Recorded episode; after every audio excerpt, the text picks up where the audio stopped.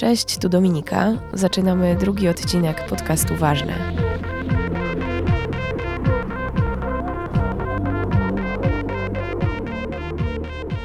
Bohaterkę tej rozmowy być może znacie jako współzałożycielkę magazynu Craft. Ma ono piękne fotografie i dużo treści o designie i rękodziele.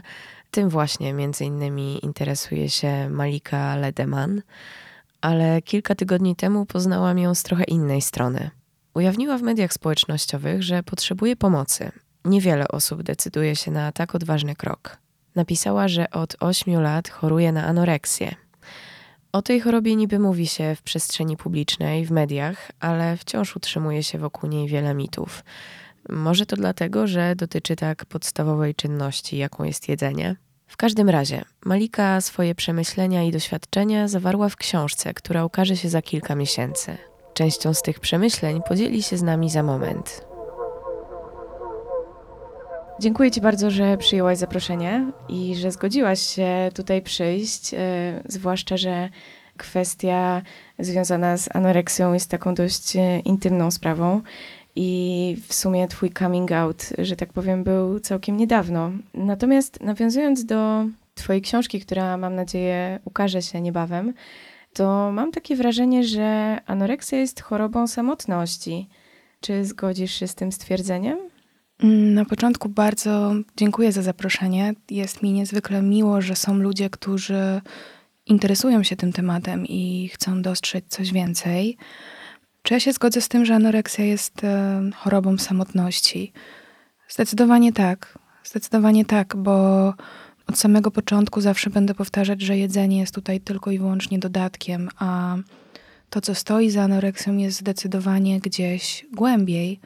Bardzo często wynika właśnie z samotności, poczucia pewnego rodzaju odrzucenia czy, czy niedowartościowania. Czyli jeśli osoba, która choruje na anoreksję, mówi na przykład, może inaczej, mm, gdy taka osoba słyszy, no zjedz coś, jakby po prostu zjedz, to jest to tak naprawdę jakaś jedna setna problemu. Oczywiście, że tak. Tu nie chodzi naprawdę o jedzenie i ja jestem teraz po pobycie w, w szpitalu, w, w ośrodku specjalistycznym Alira, który leczy właśnie zaburzenia odżywiania. I myślę, że do końca życia będą mi gdzieś tam w głowie dźwięczały słowa, że choroba i problem nie kryje się na talerzu, tylko pod nim. Że tutaj należy naprawdę zajrzeć pod talerz, bo jeśli skupimy się na naszej psychice, na tym, co sprawiło, że chorujemy na anoreksję i objawia to się w niejedzeniu, jeśli popracujemy nad swoją głową, to nagle okaże się, że problem z jedzeniem znika w pewnym sensie. Jak się czujesz po coming i po ujawnieniu tego problemu, z którym zmagasz się od wielu lat? To taka duża sprawa, trochę jak y, umieszczenie na Facebooku kartki z pamiętnika. Trochę tak, chociaż szczerze mówiąc, ja nigdy nie postrzegałam tego w kontekście coming outu. Powiem szczerze, że pierwszy raz się spotykam z tym sformułowaniem, w sensie, żeby ktoś tego użył w moim kontekście, ale faktycznie coś może z tym być. Choruję na anoreksję już 8 lat, bo nigdy nie powiem, że chorowałam, bo wciąż się z nią zmagam. Postanowiłam to zrobić, bo już byłam bezsilna. Zupełnie. Po prostu wiedziałam, że sama dłużej nie dam sobie rady, ale też nie chcę tak naprawdę żyć e, w kłamstwie, no bo co to jest za życie, jeśli każdego dnia gdzieś tam nawet nieświadomie ukrywasz to, jaka jesteś naprawdę, to, co cię naprawdę boli, że masz problem z tym, by zjeść e, posiłek z najbliższymi, że, że tak naprawdę ta agresja, która gdzieś w tobie się kumuluje, jest z czegoś. W związku z czym to wszystko potoczyło się bardzo płynnie i gdzieś tam nie planowałam tego, ale widać tak musiało być. Myślę sobie, że to bardzo trudne, żeby właśnie mm, ukrywać albo jakoś tak maskować y, taką ważną część w ogóle kontaktu z ludźmi, jaką jest jedzenie, no bo spotykamy się przy różnych okazjach i to jedzenie jest takim pretekstem do tego, żeby na przykład, nie wiem, coś poświętować albo spotkać się ze znajomymi. Więc wyobrażam sobie, że to musiało być bardzo trudne przez te lata. To nie jest tak, że ja nie jadłam w ogóle. Absolutnie nie. Ja lubię jedzenie, doceniam jedzenie, umiem je celebrować u mnie jest problem taki, co się dzieje w głowie po nim, że, że ma się bardzo jakieś takie destrukcyjne myśli. I tak ma wiele osób chorych na anoreksję. One doceniają jedzenie, im smakuje, tylko po prostu nie potrafią sobie poradzić z tym, co przychodzi później. I u mnie też tak trochę było, plus e, wszyscy moi bliscy znajomi e, z Poznania, bo ja mieszkałam 7 lat prawie w Poznaniu, wiedzieli, że jestem absolutnie zafascynowana medycyną naturalną, czy zdrowym żywieniem, holistyką, że praktykuję jogę. W związku z czym, jeśli ja jadłam zdrowo, albo na przykład mniej, albo wybierałam inne posiłki niż wszyscy, to dla nich to było czymś naturalnym. Bo przecież e, jestem od 25 lat wegetarianką, bo, bo przecież interesuję się zdrowym żywieniem. Czytam o tym wiele, w związku z czym powiedziałabym tak. Zawsze miałam wymówkę, by ukryć e, prawdziwy problem. A tak naprawdę wydaje mi się, że sama sobie to wmawiałam.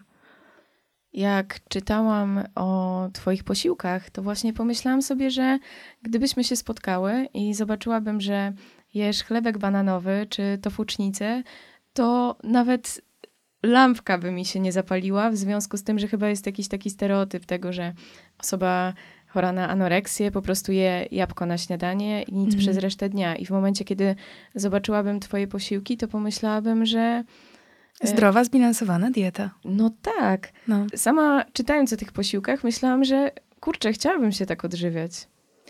Oczywiście, że tak. Znaczy, to wszystko brzmi fajnie, ale wydaje mi się, że tylko w teorii, bo problem pojawia się wtedy i to jest jeden z tak naprawdę naczelnych problemów anoreksji, kiedy obsesyjnie myślisz o tym jedzeniu. Bo chlebek bananowy ma być przyjemnością, a nie czymś, co spędza ci sen z powiek, nie czymś, co masz sztywno wpisane w kalendarz, ile masz zjeść gram tego chlebka, kiedy go zrobisz, kiedy go zjesz. I tak, właśnie o to w tym chodzi, że jedzenie ma być nawet to zdrowe, to dobre, e, ma być dodatkiem do życia, a nie ma dominować twojego życia. To jest jakby jedna kwestia. Kolejną kwestią jest to, że anoreksji jest bardzo wiele rodzajów.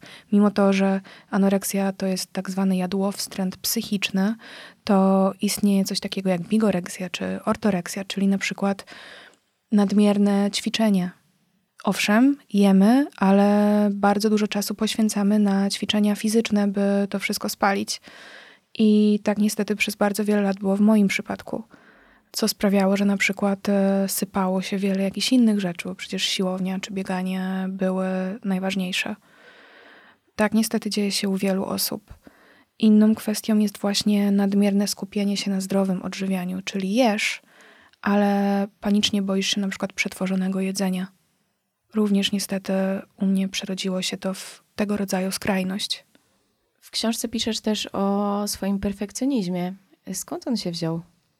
Wiesz co, często się nad tym zastanawiam, bo z jednej strony możemy po prostu mieć taką cechę charakteru, że lubimy coś robić po prostu dobrze, na 100%, perfekcyjnie, ale z drugiej strony to również jest jakieś pokłosie czy element y, anoreksji, bo anoreksja to jest, y, ja to nazywam, chyba nawet w książce teraz tak nazwałam, to jest trochę choroba aptek aptekarskiej precyzji.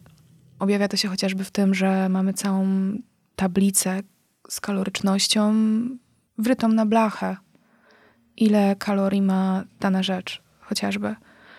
To jest ten perfekcjonizm, ale to też są różne natręctwa e, właśnie towarzyszące anoreksji, jak na przykład sprzątanie, czy bardzo sztywne ustalanie jakiegoś planu i jakiś taki wielki zawód w momencie, kiedy on się po prostu nie spełnia. Skoro to jedzenie to jest e, tak naprawdę tylko jakaś część wszystkich problemów, to czemu w Twoim przypadku padło akurat na jedzenie? To jest dobre pytanie i to pytanie wiele osób sobie zadaje, bo mi też zależy trochę na tym, by mówić poniekąd głosem ogółu tutaj dzisiaj chorych. Mm, bardzo wiele osób sobie zadaje to pytanie, dlaczego akurat ja i dlaczego akurat jedzenie. Przecież jedzenie jest tak fantastyczną rzeczą, która nas buduje, daje nam paliwo. Odpowiedź brzmi: nie wiem. Nie wiem, bo, bo ja mam taką teorię, że jakąś tam moją prywatną, że równie dobrze, gdybym pewnie miała ku temu predyspozycję, nie wiem, z różnych rzeczy mogłoby to wynikać, mogłabym równie dobrze ulokować gdzieś tam swoje problemy, na przykład w alkoholu. Czy właśnie załóżmy w, w jakimś innym natręctwie, tak naprawdę. Czy jest jakiś taki moment, który z perspektywy czasu uważasz za moment, który już przestał być e, zdrową relacją z jedzeniem? Wydaje mi się, że to idzie płynnie, bo to jest tak, że Znaczy inaczej, nie znam osoby, nie znam nikogo, kto by powiedział: OK, od dzisiaj moja relacja z jedzeniem będzie zła. Po prostu i będzie szła gdzieś tam w złym kierunku drastycznie. Wydaje mi się, że to jest proces. Wchodzenie w chorobę to jest niestety bardzo długi proces. Wydaje mi się, że nieświadomy u ludzi. Wiesz, to zaczyna się u większości często bardzo podobnie. Pobudki są różne. Chcę na przykład schudnąć z jakiegoś powodu, chcę się zdrowiej odżywiać, mam jakieś kompleksy. To może być poczucie jakiegoś odrzucenia, na przykład przez chłopaka czy przez grupę rówieśniczą. I zaczynamy tak naprawdę od jakiejś metody małych kroków, czyli nie wiem, może przechodzimy na pierwszą dietę, a może idziemy na pierwszy trening na siłownię, a później, mając te tendencje do tego typu zaburzeń, po prostu nie widzimy, kiedy nam się to wymyka spod kontroli i każdy kilogram mniej zaczyna nas cieszyć. I nie wiem, na przykład na początku postawimy sobie jakąś granicę, tak, że, że moim marzeniem jest ważyć 5 kilo mniej, ale gdy już ważę te 5 kilo mniej, to ja chcę ważyć 7 mniej. A gdy już ważę te 7 mniej, to nagle się okazuje, że chcę ważyć 17 mniej. Wyobrażam sobie, że taką rzeczą, która właśnie w tym momencie powoduje te decyzje o kolejnym e, spadku wagi, jest radość z osiągniętego celu, że, że udało się, że tych 5 kilo mniej i że to jest chyba całkiem niezłe uczucie. Wydaje mi się, że, że tak, że faktycznie osiągamy jakiś cel i chcemy więcej. Ale wydaje mi się, że to właśnie też może wynikać z tej niskiej samooceny, to, od czego na początku zaczynałyśmy, że to jest gdzieś poczucie odrzucenia, osamotnienia i tak dalej.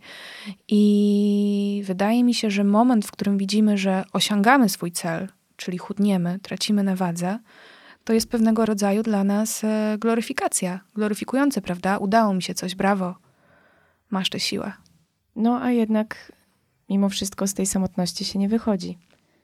To prawda, ale człowiek w pewnym sensie zawsze jest sam. Tak uważam. Pytanie, czy nauczy się być sam ze sobą i polubi siebie.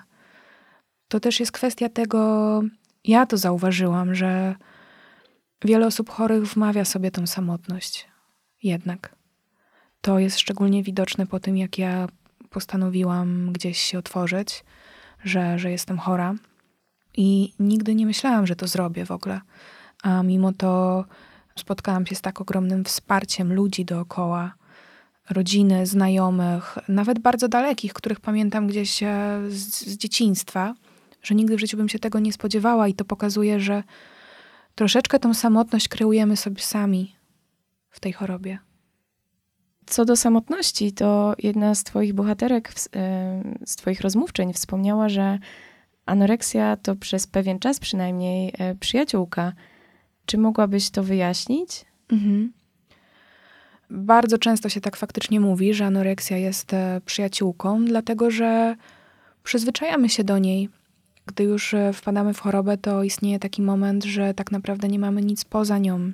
Nie wyobrażamy sobie życia bez niej w pewnym sensie. Im dłużej chorujemy, tym trudniej nam tą przyjaciółkę porzucić. Co bardzo ciekawe, jak już jesteśmy w, jakim, w pewnego rodzaju procesie terapeutycznym czy procesie zdrowienia, to bywa tak, że osoby chore odczuwają w sobie pewnego rodzaju zdradę choroby. W sensie jest im trudno po prostu porzucić tę przyjaciółkę. Że jak ja tak mogę, żyłam z tą chorobą przez tyle lat, boisz się, co będzie, jak ją utracisz, jakim człowiekiem będziesz, co się wydarzy, czy będzie coś, co ją na przykład zastąpi, albo co będzie dalej. Czyli to jest trochę taka część tożsamości. Trochę tak. Poczucie jakiegoś związku z e, mhm. pewnym wątkiem, z pewnymi przyzwyczajeniami. Oczywiście. Oczywiście, to są tylko i wyłącznie przyzwyczajenia i mechanizmy. Zarówno kompulsywne obiadanie się, jak i odmawianie sobie jedzenia, jak i schemat, że w momencie, załóżmy, zjedzenia za dużo, gdzieś tam, w, oczywiście w naszym poczuciu, że zjedliśmy za dużo, jest to schemat na przykład pójścia na siłownię, tak? Czy na przykład e, odmawianie sobie posiłku na następny dzień. To wszystko są schematy, które mamy w sobie zakodowane, dlatego tak trudno nam porzucić te przyzwyczajenia. To jest, kurczę, jak z paleniem papierosów, po prostu, że po porannej kawie idziemy zapalić, czy przy piwie wyciągamy papierosy i nagle ktoś każe nam powiedzieć, ej, nie rób tego, zajmij się czymś innym. To jest cholernie trudne. Chciałabym to sobie wyobrazić. Y, jak dużą część Twoich myśli zabierały myśli o jedzeniu w ciągu dnia? Powiedziałabym, że nie było momentu, żeby o tym nie, nie myśleć. Niestety. To jest tak, że owszem, wykonujesz swoje zadania w pracy. Ja jestem redaktorką, więc mam kontakt z ludźmi, więc telefony, maile ale to jest tak, że odkładasz ten telefon i znów o tym myślisz, albo frustrujesz się w momencie, kiedy masz w swoim sztywnym planie odżywiania na przykład obiad o godzinie 13, a przysunęło ci jakieś spotkanie albo telefon i ktoś ci zaburza tę przestrzeń na twój posiłek. Cały dzień jest podporządkowany jedzeniu i nie ma w tym w ogóle miejsca na pewnego rodzaju spontaniczność, na po prostu cieszenie się tym, bo mimo to, że to ci smakuje, to to wszystko musi być sztywnie zaplanowane. Gdy czytałam o Twojej działalności, to pomyślałam sobie, że to jest niesamowite, że udało Ci się to godzić w, na w tak długim czasie. Tak, że e, sukcesy zawodowe, że ogarnianie magazynu to jest coś kosmicznego. Gdybym miała e, po prostu założyć magazyn, to bym nie wiedziała, za co się zabrać i bym pomyślała, że to jest praca na trzy etaty po prostu, a jednocześnie musiałaś w pewien sposób radzić sobie jeszcze z tą sferą prywatną i zdrowotną. I zastanawiam się po prostu, jak ci się to udało. Też należy zadać sobie pytanie, czy właśnie mi się to udało tak naprawdę.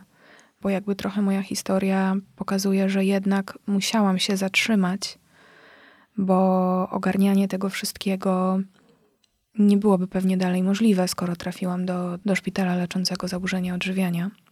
To było faktycznie bardzo trudne, ale to też jest jakiś taki inny schemat, że po prostu wpadałam w wir pracy. Pracy, którą kocham, bo jest to moja ogromna pasja i też w ogóle założenie magazynu nie byłoby możliwe, gdyby nie mój przyjaciel, ale i wspólnik e, Maciej i Artur, którym jestem bardzo wdzięczna, bo tworzyliśmy to razem i w sumie nadal tworzymy ale to było faktycznie gdzieś tam bardzo trudne.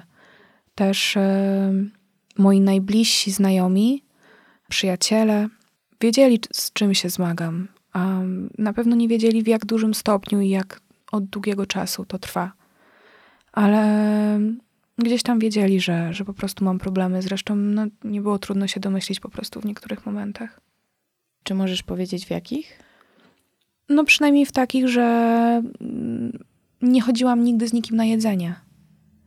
Że zawsze przychodziłam ze swoim własnym lunchboxem, że właśnie gdzieś tam ten temat jedzenia był dla mnie taki bardzo, bardzo stresujący. Wydaje mi się, że byłam wtedy po prostu trochę inną osobą w momencie, gdy bardzo starałam się to ukrywać, przez co przez cały czas obsesyjnie o tym myślałam. I to jest tak naprawdę błędne koło, bo bo ludzie to widzą. Wiele osób o tym wiedziało, się okazało. Tylko każdy bał się zapytać, co się dzieje. Czy byłoby lepiej, gdyby ci wszyscy, którzy wiedzieli, zapytali jednak? Czy to nie miałoby wpływu? Zapytać by mogli, tylko nie wiem, jakbym zareagowała, bo bardzo często, gdy ktoś pyta o, o to, pytał o to, to reagowałam po prostu agresją, że to jest nie jego sprawa, bo czujesz pewnego rodzaju zagrożenie, że przecież ty nie chcesz nic zmieniać. Albo wmawiasz sobie, że chcesz coś zmienić, ale tego nie robisz. To jest bardzo trudne. Więc nie wiem, jakbym zareagowała, gdyby ktoś zapytał. Nie wiem też, czy na tamtym etapie potrafiłam się na tyle otworzyć, by o tym powiedzieć w sposób otwarty, albo ja nawet sama nie posiadałam takiej wiedzy, jak odpowiedzieć wtedy komuś, jak odpowiedzieć komuś, kto mówi ci, ej, słuchaj, ale to jest proste, weź, chodź, idziemy, idziemy coś zjeść fajnego, przecież to jest ekstra, ja nie rozumiem, jak można nie jeść.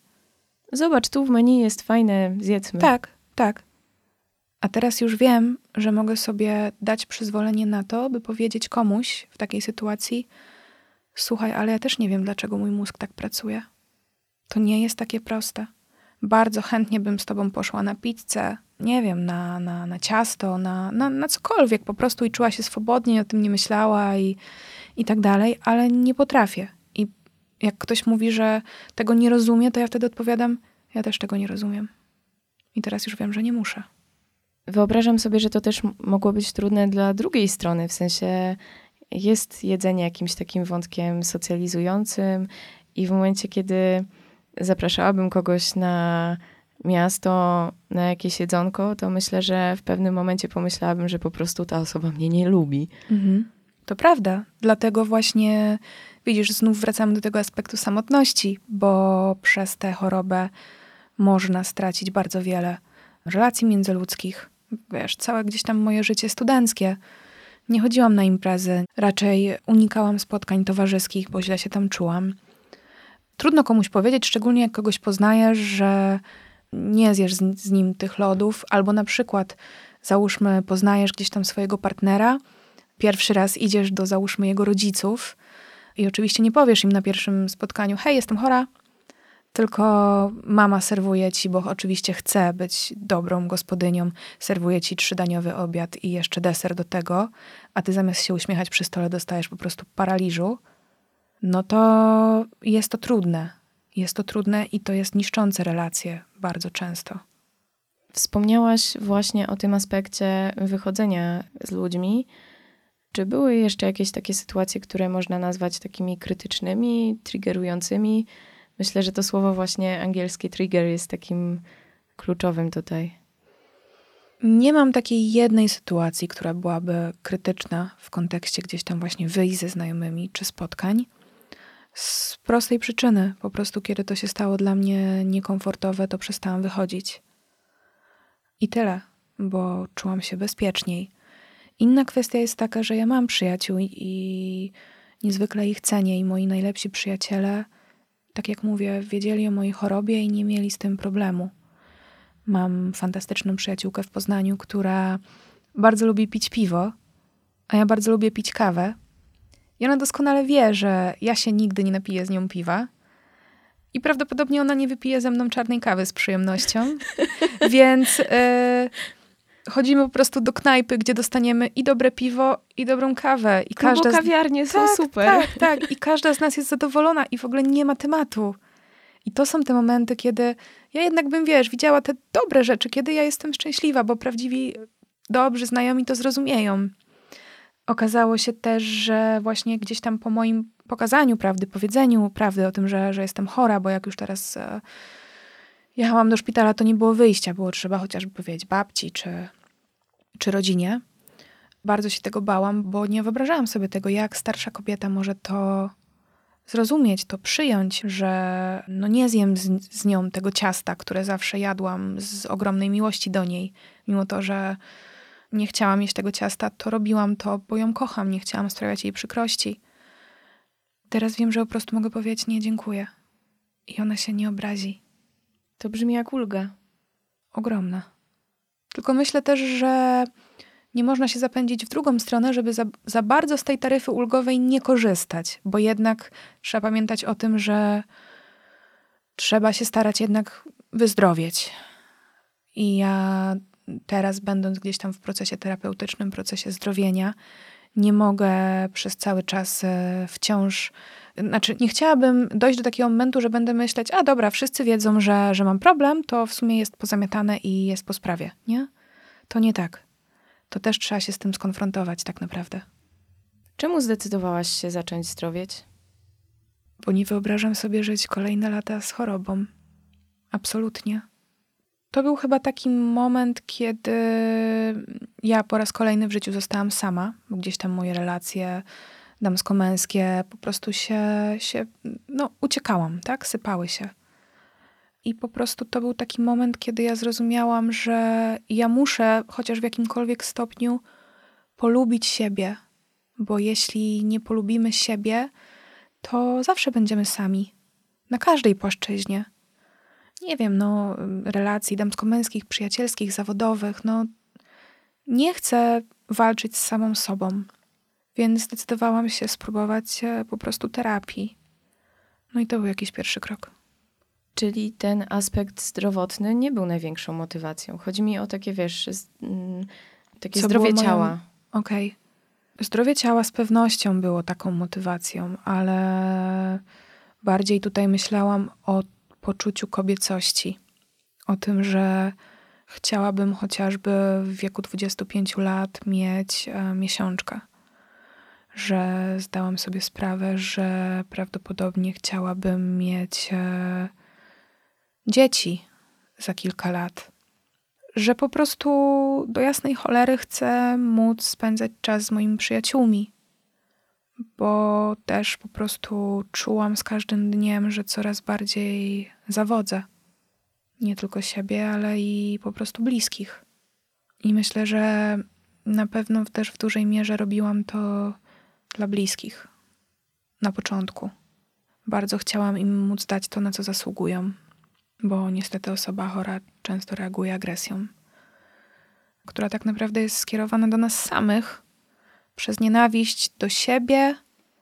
Jakby to wytłumaczyć? Wiem, że to jest ciężkie do zrozumienia, ale tak naprawdę ta agresja jest kierowana w 90% do nas samych, ale te 10% to są nasi bliscy.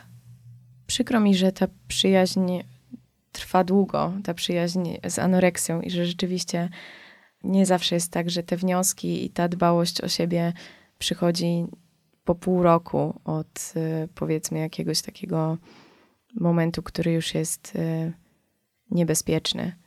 Bo wspomniałaś o tym, że chorujesz przez wiele lat i z tego co zrozumiałam, to jednak ten moment przyszedł nie tak szybko o tym, żeby zacząć dbać o siebie, o bliskich, o sytuację. Mhm. To też nie do końca tak, w sensie, bo ja jako nastolatka, gdy zorientowałam się, że gdzieś tam jest problem z jedzeniem, miałam wtedy chyba 17 czy 18 lat. Ja zdecydowałam sama, że pójdę do psychologa. Finalnie wylądowałam u psychiatry, ale byłam zielona. Ja wtedy nie wiedziałam, czym jest anoreksja, czym są zaburzenia odżywiania, czy w ogóle je mam, czy nie. Po prostu postanowiłam porozmawiać z lekarzem, który oceni, czy moje podejście jest gdzieś tam zdrowe. Tylko skończyło to się niestety tak, jako że byłam nieświadomą, wchodzącą w dorosłość dopiero dziewczyną, że jedyna pomoc, jaką dostałam, to było branie leków psychotropowych przez dwa albo trzy lata, które absolutnie mnie nie, nie pomogły mi. One tylko sprawiały, że człowiek mniej myśli o jedzeniu. W związku z czym lekarz po jakimś czasie uznał, że te leki po prostu mogę odstawić, bo przecież już o jedzeniu nie myślę. Powiedziano mi, no jest pani zdrowa, w związku z czym ja sobie tak żyłam, no przecież jestem zdrowa. Lekarz powiedział, że jestem zdrowa. Natomiast ta choroba nigdy nie została wyleczona. Nawet bym nie powiedziała, że została zaleczona. Ona po prostu została zamaskowana przez leki, bo to nie było wsparte żadną terapią, żadnym wsparciem specjalistów, co jest kluczowe. Czemu ten proces zdrowienia jest taki długi? Hm. Myślę, że moja mama by się tutaj zaśmiała i powiedziała, że ile się trułaś, tyle się lecz. O matko. No. Rozumiem.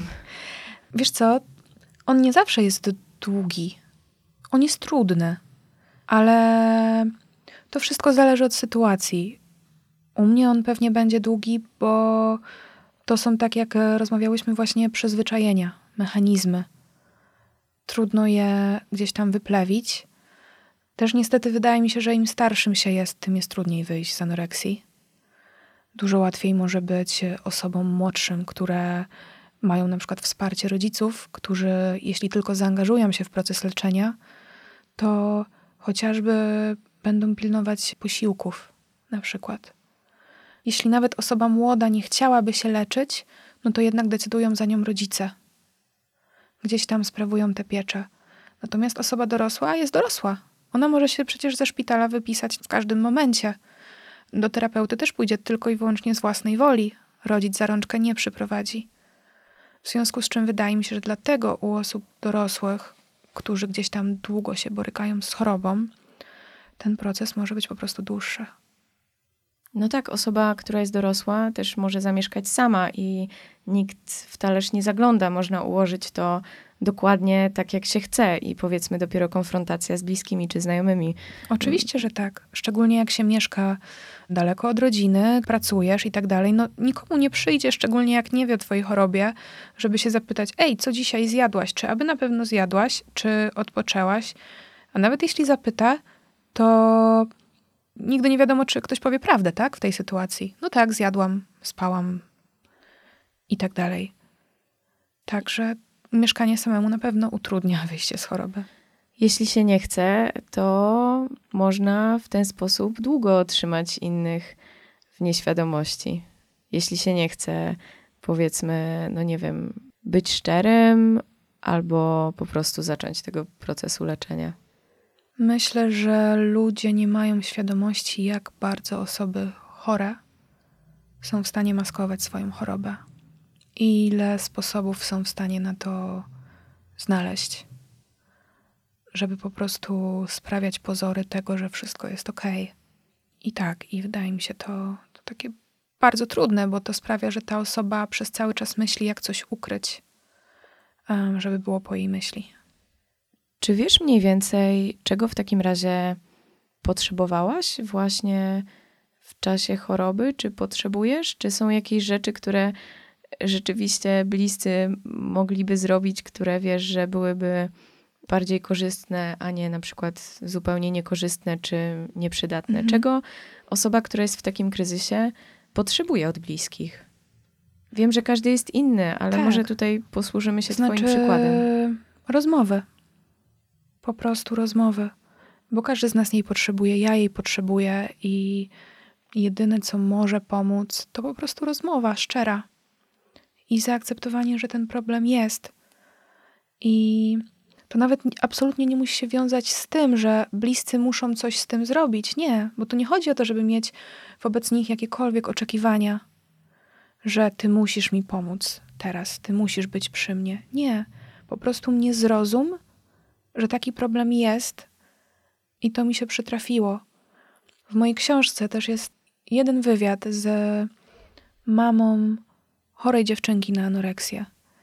I według mnie to jest bardzo dobry przykład na to, co bliscy mogą zrobić, ale też jaki jest ostracyzm społeczny osób chorych na zaburzenia odżywiania. Że to jest głupie, że w ogóle po co, że jak może nie jeść, że przecież to w ogóle jest jakaś głupota, fanaberia, tak? A poza tym pytanie, gdzie byli rodzice? Tak, i gdzie byli rodzice przecież? Czy ta mama tego nie widzi, że ta dziewczynka nie, nie, nie dojada tego obiadu? A to jest choroba jak każda inna. To jest takie trudne i to jest w ogóle trudne w naszym kraju i niezwykle ważne, że do jasnej cholery, dlaczego służba zdrowia nie pomaga osobom chorym na zaburzenia odżywiania? To jak w takim razie wygląda pomoc osobom chorym na zaburzenia odżywiania w Polsce? Jakie mhm. są w ogóle opcje? Opcje, tak. Czy są jakiekolwiek? jakiekolwiek są. Czy są dobre? To już, już ci mówię. Oczywiście można próbować na NFZ, umówić się do psychologa, do psychiatry. Jest to jakaś możliwość, jak najbardziej. Ja sama z tej opcji korzystałam wtedy na samym początku. Widać, jak ona się skończyła wtedy, gdy dostałam te tabletki. Oczywiście każdy przypadek jest inny i nie chciałabym tutaj stygmatyzować, ale można oczywiście otrzymać pomoc terapeutyczną, psychologiczną na NFZ. Z NFZ-u są również szpitale psychiatryczne, ale w szpitalu psychiatrycznym niestety człowiek, kiedy ma już niskie BMI, poniżej bodajże 15 BMI, jedyne, jedyne co się robi w szpitalu to jest e, po prostu podawanie jedzenia, w sensie brzydko mówiąc, tuczenie osoby chorej, natomiast absolutnie to nie jest poparte żadną terapią, żadną pracą nad głową, tylko jest to troszeczkę postrzegane jako po prostu utuczymy, nakarmimy i będzie po problemie i podamy leki. Takie doraźne bardzo, po prostu tak. Ratujemy życie w tym momencie, tak czysto fizycznie, natomiast mhm. potem. Natomiast nikt nie myśli o tym, co się dzieje w psychice tej osoby chorej, w momencie, kiedy jest tak naprawdę przywiązana do łóżka w pewnym sensie, siedzi w szpitalu przez na przykład miesiąc i jedyne co, to jest jej wtłaczane jedzenie, którego wcale nie chce. To jest nawet, tak naprawdę powiedziałabym, pogorszenie stanu tej osoby, bo psychicznie, jak może czuć się osoba, która boi się jedzenia, kiedy to jedzenie jest w nią wpychane siłą? No i właśnie, to jest też wybór, bo można też leczyć się prywatnie, tylko to niestety jest bardzo kosztowne. E, są w Polsce ośrodki, gdzie można taką pomoc uzyskać. Po prostu są to ośrodki zamknięte, placówki szpitalne, gdzie dostaje się pełną opiekę terapeutów, którzy tak naprawdę gdzieś tam holistycznie pracują nad tobą na różnych płaszczyznach poprzez typową terapię, ale również przez na przykład e, terapię przez sztukę czy ruch. Oprócz tego jest oczywiście stała opieka psychodietetyka, bo też jest bardzo ważne, żeby to nie był zwykły dietetyk, który układa po prostu dietę, tylko że to był psychodietetyk, żeby on mógł spojrzeć głębiej pod ten właśnie talerz. Co tam się kryje pod tym jedzeniem tak naprawdę? Ale też oczywiście był w stanie uzupełnić wszelkie niedobory, bo anoreksja ma takie pokłosie, że wiele narządów może nam przestać pracować albo mogą pracować źle. W związku z czym jest się pod stałą opieką takiego psychodietetyka. I są takie ośrodki w Polsce, ale jak mówię, one są niezwykle drogie. W jednym z nich byłam ja, co było dla mnie bardzo, bardzo gdzieś tam trudną decyzją, bo musiałam się zdecydować, czy pójdę do po prostu zwykłego szpitala, no tak naprawdę psychiatrycznego, czy pójdę do takiego ośrodka, co jest bardzo kosztowną inwestycją. Ale po prostu wiedziałam, że w szpitalu psychiatrycznym no, nie otrzymam takiej pomocy, jaką powinnam dostać. Dlatego ja naprawdę głośno mówiła o tym i po to jest ta książka, żeby pokazać w końcu, żeby te ośrodki specjalistyczne też chociaż w jakikolwiek sposób były dofinansowywane, by pomóc tym ludziom. Bo w przeciwnym razie po prostu toczą tak naprawdę walkę samotnie i na leczenie mogą sobie bardzo często pozwolić tylko w momencie, kiedy albo mają pieniądze, albo pomoże im jakaś fundacja, tak jak na przykład właśnie Fundacja Warszawska Światło dla Życia. Czytałam też relacje, z których wynika, że w ogóle miejsc nie ma zbyt wiele, jeśli chodzi o leczenie anoreksji i zaburzeń odżywiania po prostu na NFZ i że te kryteria są takie sprawiające, że wiele osób w ogóle się nie kwalifikuje do tego leczenia. To prawda. Na pewno nie kwalifikują się z mojego doświadczenia osoby o zbyt niskim BMI. W momencie, kiedy BMI oznacza stan zagrażający życiu, to terapeuta nie powinien podejmować z nami pracy, po prostu jest to zbyt ryzykowne. Inna kwestia jest taka, że tych miejsc faktycznie jest mało, bo owszem, psychologowie są, e, psychiatrzy są, ale mało jest tak naprawdę tylko miejsc wyspecjalizowanych w tym konkretnym działaniu na NFZ, o ile w ogóle są takie na NFZ, bo nawet wydaje mi się, że, że nie ma, przynajmniej ja się nie spotkałam gdzieś, gdzie ja szukałam. No jeszcze kolejna kwestia jest taka, że terminy na NFZ bardzo często są tak odroczone, że po prostu może być za późno, bo u osoby chorej to czasami wystarczy naprawdę pół kilo w dół i już jest stan zagrażający życiu. W związku z czym ja próbowałam umówić się na NFZ, nawet w, w ubiegłym roku. Zaczynałam od NFZ-u, pomówię, spróbuję się umówić na NFZ i moja wizyta, najpierw czekałam na nią dwa miesiące, została odwołana dzień przed.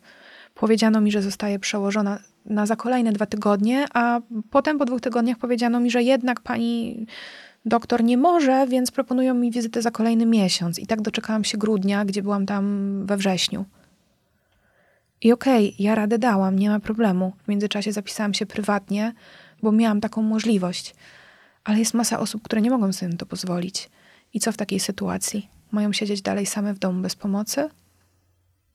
Czytając Twoją książkę, miałam wrażenie, że każdy kolejny rozdział, każdy kolejny wpis wiąże się z jakąś taką większą y, samoświadomością i że dochodzisz do kolejnych wniosków, które przyznam, że mnie jako czytelniczkę cieszyły. Natomiast potem okazało się, że jednak trafiłaś do ośrodka i że potrzebna ci była bardzo poważna pomoc.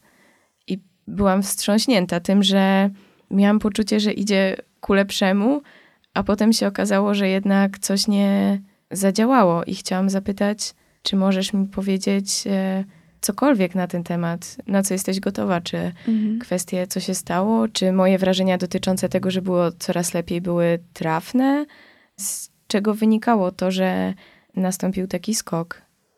Twoje wyobrażenia, że było coraz lepiej, były jak najbardziej trafne. Również mi się tak wydawało że jest z każdym dniem coraz lepiej, że ja sobie dam radę z chorobą. Tylko właśnie taka ta przyjaciółka jest. Niestety, że bardzo mocno oszukuje. Sama się nad tym zastanawiałam. Myślę sobie, Malika, przecież wszystko było ok. Przecież właśnie wszystko szło ku lepszemu, ku dobremu, i nagle tak naprawdę zdarzył się kryzys największy w historii Twojej choroby ale z drugiej strony może to też był ten ostateczny krok, taki, żeby podjąć tę walkę, żeby też przejrzeć na oczy, że wcale nie jest tak dobrze, jak nam się wydaje. Bo moje dobrze, w moim rozumieniu, że jest ze mną dobrze, to moi bliscy wciąż, e, powiem brzydko, no, uważali, że wyglądam jak śmierć po prostu. I to też jest inna kwestia tego, że podczas anoreksji ma się bardzo mocno zaburzone widzenie samego siebie. W związku z czym wiele osób po prostu nie wie, jak źle z nimi jest. Czyli rodzina mówi, wyglądasz jak śmierć, przepraszam za to Mhm. określenie, ale sama go użyłaś, a osoba chora mówi, że Jest okej. Albo osoba skrajnie chora wręcz e, może czuć się tymi słowami doceniona. Też są takie przypadki, że jak ktoś ci powie, o mój Boże, jaka jesteś chuda, to traktujesz to jako komplement. Również może tak być. Często słyszałaś właśnie takie teksty, które chyba określiłabym jako mało taktowne, delikatnie mówiąc. Był taki okres, że często, bardzo często. Em, nawet y, na ulicy od nieznajomych ludzi mi się zdarzyło. Em, Żartujesz.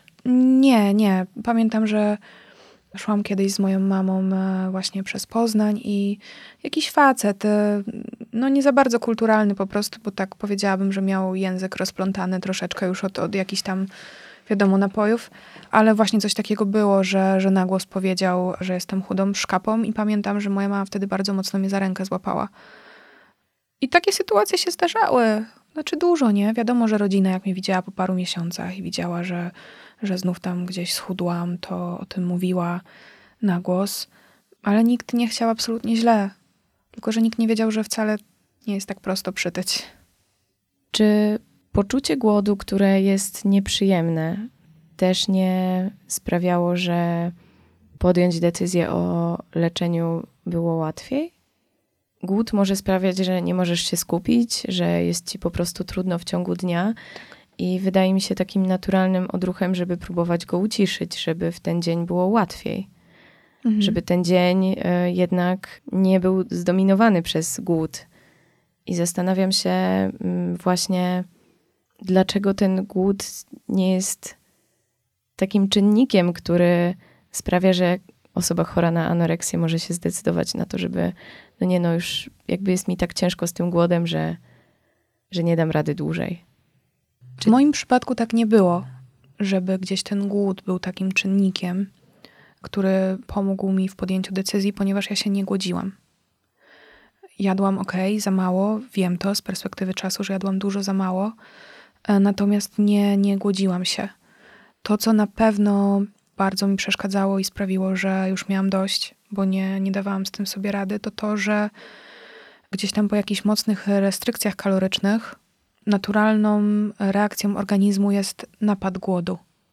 W momencie, kiedy na przykład jesz bardzo niewiele przez pewien czas, to jest stuprocentowa pewność, że w pewnym momencie po prostu rzucisz się na jedzenie. Z prostej przyczyny to nie jest obżarstwo, to jest po prostu ogromne wołanie organizmu o pomoc i chęć uzupełnienia deficytów. To jest tak naprawdę jakaś walka o przetrwanie, prawda? Daj mi jeść. I i ja w pewnym momencie po prostu sobie już z takimi skokami i napadami nie, nie radziłam. Bo człowiek powinien w swoim życiu zachowywać zdrowy balans, tak? Wstajemy, jemy śniadanie, jemy tam ile kto je, 3-5 posiłków dziennie, ale pozwalamy sobie w tym na wszystko, to jest regularne, to jest e, jakieś równomierne, a nie na skoki, że istnieją dni, kiedy, tak jak powiedziałaś, jesz na śniadanie jabłko, a istnieją dni, kiedy zjadłabyś konia z kopytami. To jest niezdrowe i dla naszej psychiki, i dla naszego organizmu z punktu widzenia chociażby trawienia tego, tak? Martwi mnie bardzo to, że czytam, że wyjść z anoreksji można tylko wtedy, kiedy osoba, która jest chora, po prostu tego chce. Że jakby ten czynnik motywacji wewnętrznej jest niezbędny, że nie da się zrobić nic wbrew osobie chorej. Rzeczywiście tak jest? Niestety wydaje mi się, że tak. No bo okej, okay, no osoba dorosła, no to wiadomo, nikt jej do tego nie zmusi. Znam takie przypadki, że rodzina na przykład stara się gdzieś tam na drodze sądowej w pewnym sensie ubezwłasnowolnić osobę, by było można podjąć za nią decyzję o pójściu do szpitala psychiatrycznego albo na jakieś leczenie. Tylko należy sobie zadać pytanie, czy ta osoba po takiej sytuacji będzie zdrowa psychicznie, w momencie, kiedy tak naprawdę odbiera się jakieś prawa do własnych decyzji, do decydowania o sobie i tak naprawdę można ją zacząć leczyć. Jasne, że tak. Ona może chodzić na terapię, można jej nawet wciskać jedzenie na siłę. Jak nie łyżką, to gdzieś tam dojelitowo przez sondę. Tylko czy ta osoba będzie zdrowa w tym momencie?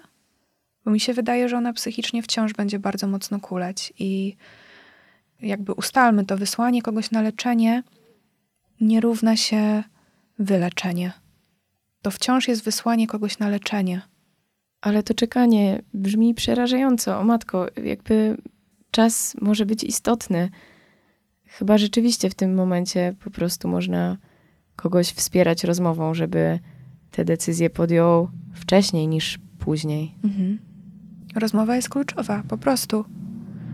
I to nawet niekoniecznie rozmowa o chorobie, tylko po prostu rozmowa o uczuciach, bo możemy dokopać się do jakiejś przyczyny, do jakiegoś wniosku, zrozumieć na przykład, czego nam brakuje. I niezwykle ważne właśnie w tym całym procesie i trwaniu, w tym procesie zdrowienia czy wychodzenia z choroby jest to, by po prostu też e, był ktoś obok i nie wytrząsał się codziennie nad tobą, że musisz zjeść, musisz zrobić to, musisz zrobić tamto cały czas nachalnie po prostu mówił o tym, tylko raczej, żeby ta osoba po prostu była i wspierała cię w momencie, kiedy tego potrzebujesz, bo naprawdę walkę musi podjąć każdy sam. Każdy sam, bo my musimy nauczyć się żyć na nowo. Na nowo jeść, na nowo funkcjonować, na nowo budować gdzieś tam swoje relacje, wartości w życiu, gdzie naczelną wartością nie ma być jedzenie. To nie ma być coś, co buduje naszą wartość naczelną. No właśnie, jaki jest punkt, do którego chciałabyś dojść? Nie lubię słowa normalność, więc mhm. nie użyję go w tej chwili. Więc może po prostu Cię zapytam, jaki jest punkt, y, który jest Twoim celem? Bo tak mhm. jak wspomniałaś o tym jedzeniu, to myślę sobie, że no właśnie, jakby trzeba nauczyć się na nowo komponować posiłki, jakby inaczej patrzeć na jedzenie, na kalorie, mhm. na dzień. Po tylu latach to w ogóle określenie tego punktu, który już jest tym właściwym, chyba jest trudne. Każdy nowy dzień jest jakimś celem, prawda? Do zrealizowania planu, leczenia i tak dalej. Ja mam takie cele, one są fajne. I tak, po pierwsze, obiecuję mojej przyjaciółce, że pójdę z nią kiedyś na brownie. Eee... Wegańskie.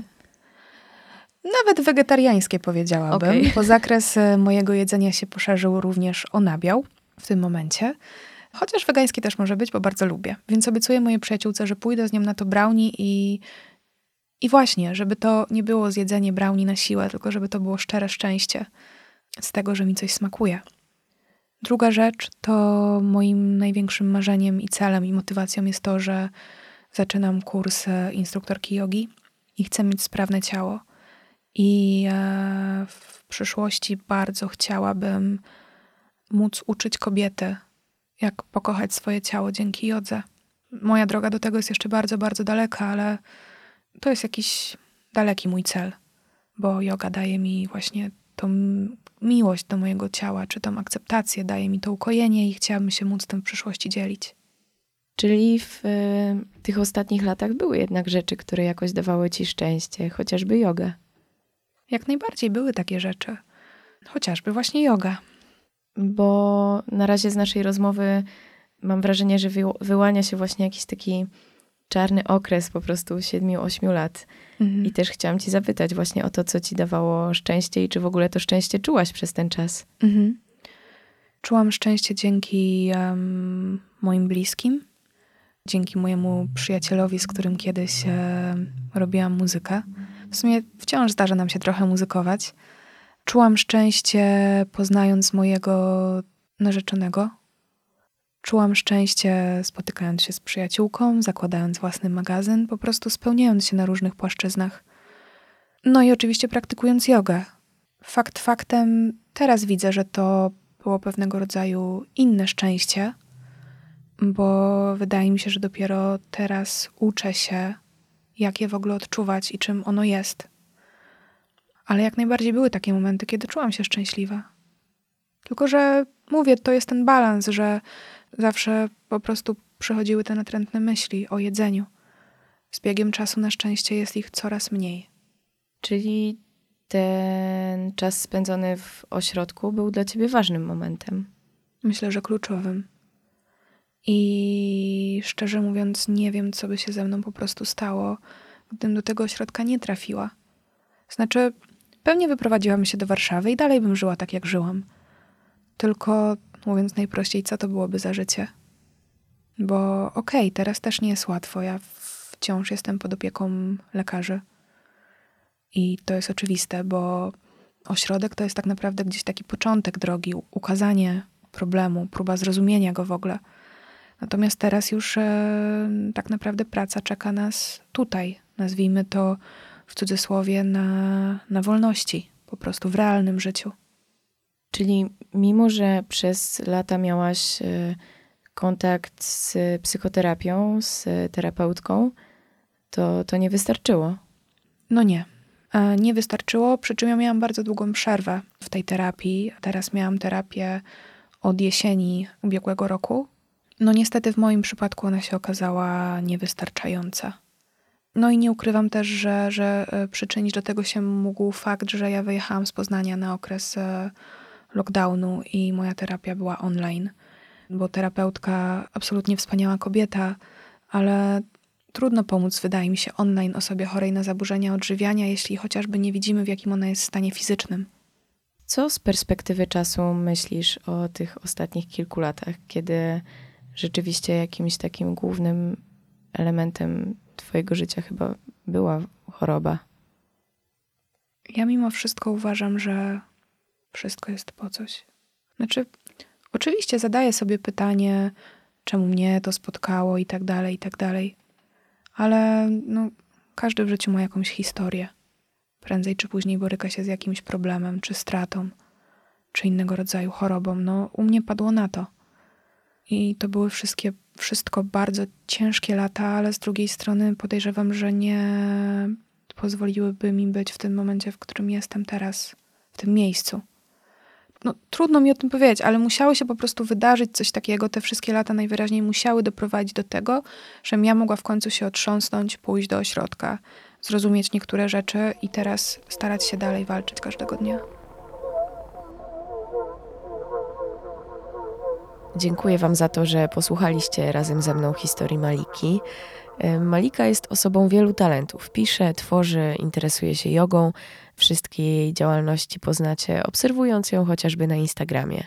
Jeśli macie jakiekolwiek pytania do Maliki, chcecie się czymś podzielić, e, piszcie na adres dominikamałpaważnepodcast.com lub skontaktujcie się ze mną przez instagramowe konto podcastu. W wolnej chwili Malika odpowie na wszystkie Wasze pytania. To na koniec spokojnego dnia Wam życzę. Do usłyszenia.